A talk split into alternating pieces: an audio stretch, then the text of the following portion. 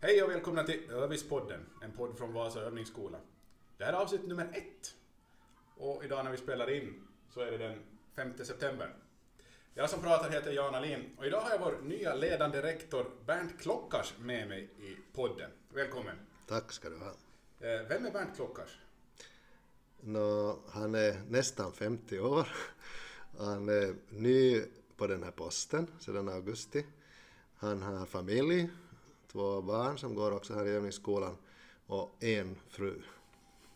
Okej. Eh, Du är ju lärare också, så övningsskolan är ju bekant från dig från tidigare. Vad, vad minns du av din egen tid när du auskulterade här vid, vid övningsskolan? Jag, jag minns att jag trivdes nog jättebra och att det var väldigt intensivt med studier och sånt. Och sedan så, så minns jag att jag jobbade med mina lektioner så oerhört mycket som jag sedan aldrig efteråt kunde jobba. många, många timmar per lektion alltså. Var du en ambitiös studerande? Ja, nu tycker jag att jag var en ambitiös studerande. Jag, jag bland annat så, så utvecklade jag stora...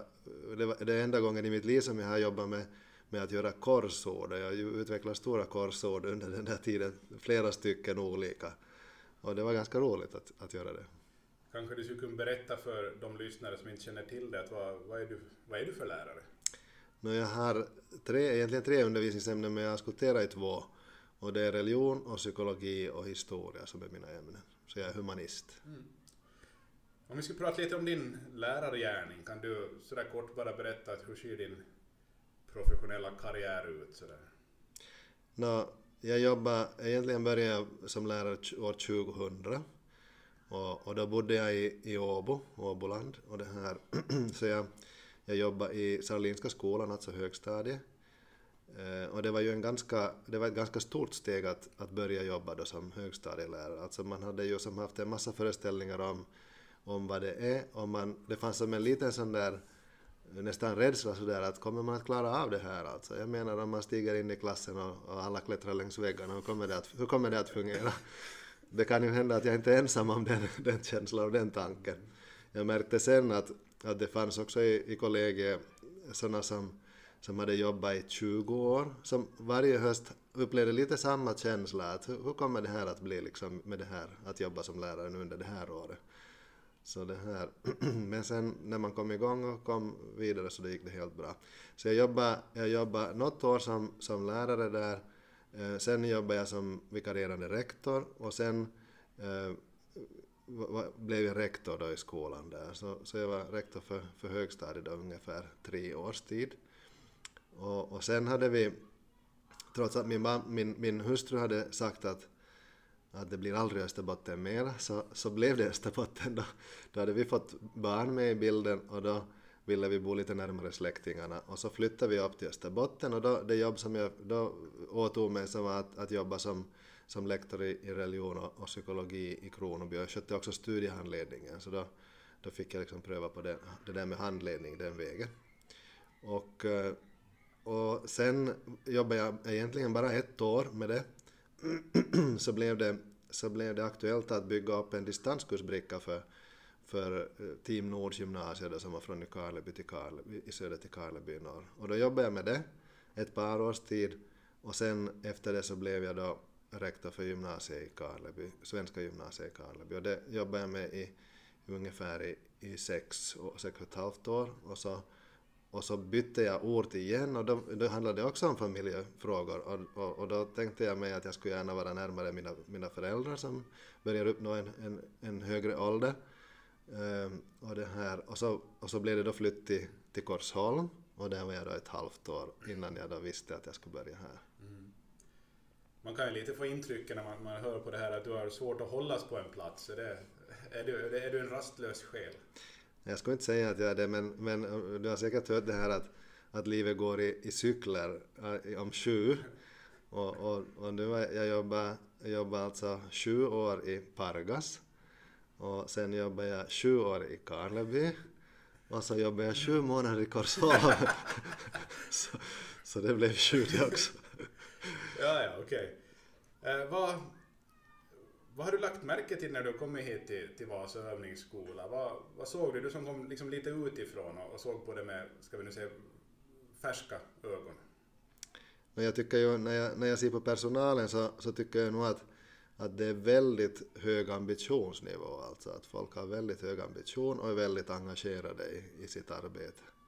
Så det, det är liksom en sak som, som slår mig sådär när jag tänker på. Och, och det betyder inte att jag inte skulle ha sett engagerade och ambitiösa lärare tidigare, men, men det är på något sätt ett, ett snäppet värre skulle jag säga. Ja, ja. Så det är nu en sak som jag, som jag märker. Och sen, sen är det ju förstås det att, att det är ju skillnaden nu, jag har ju sett rektorsjobbet från i den kommunala och, och där finns liksom vissa avtal och lis- vissa regler. Men sedan när man jobbar i, i, som en del av ett universitet så är det nog liksom då en hel del, en hel del saker som är annorlunda. På gott och på ont säkert. Du är nu ledande rektor här för Vasa övningsskola. Vi skulle nog hoppas att du hålls åtminstone i sju år då, men eh, vart vill du styra det här skeppet? Vad har du liksom för ambitioner med, med ditt ledande rektorskap?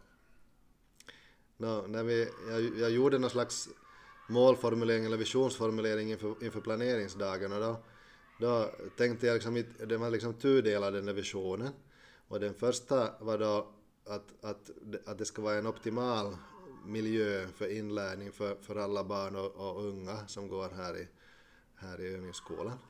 Och det tycker jag är nog en jätteviktig sak för utan, för, för att om vi inte har det som, som målsättning så, så då kan vi stänga och, och låsa dörren och släcka lampan. Eller tvärtom. Och, det här, och sedan den andra saken som jag också hade med där så det var det att, um, att uh, det ska vara också en, en optimal miljö för, för lärarstuderande. Alltså att de ska få en, en, en god miljö där de kan få feedback och respons och där de kan växa i sitt uppdrag, sitt kommande uppdrag. Och, och just det där med optimal så tycker jag är så fint ord, alltså man tänker sig en växt så, så, så den ska ha liksom tillräckligt med vatten och tillräckligt med solljus och tillräckligt bra mylla och så här. Den kan klara sig också fast det inte är optimalt men, men de bästa förhållandena och de bästa frukterna kommer då sådär när det är optimalt. Alltså så, så kanske de två sakerna vill jag lyfta fram så där speciellt.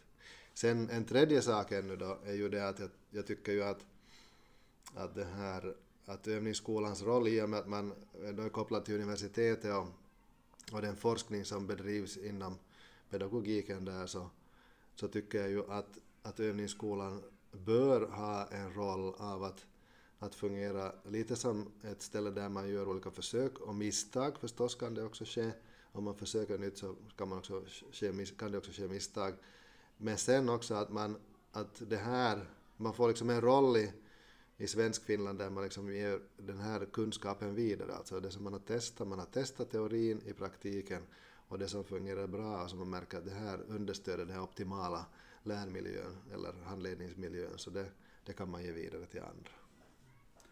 Tack. Vi börjar närma oss slutet av, av den här podden och det sista som jag ska fråga då är att, att vem skulle du vilja höra i nästa avsnitt av Övispodden? Jag har ju en sån där, en sån där eh, vision om att kunna träffa alla i personalen, det är ganska många. 105 räknar jag till. Nu kommer det, kommer det någon, någon till ännu så det blir lite fler än så. Ehm, var, var och en av er för att lite lära känna er. Och, och nu har jag träffat några av er och, och en person som jag skulle vilja ge vidare det här uppdraget till så det är Kerstin Nyman som, som har jobbat 41 år här och är på väg i pension.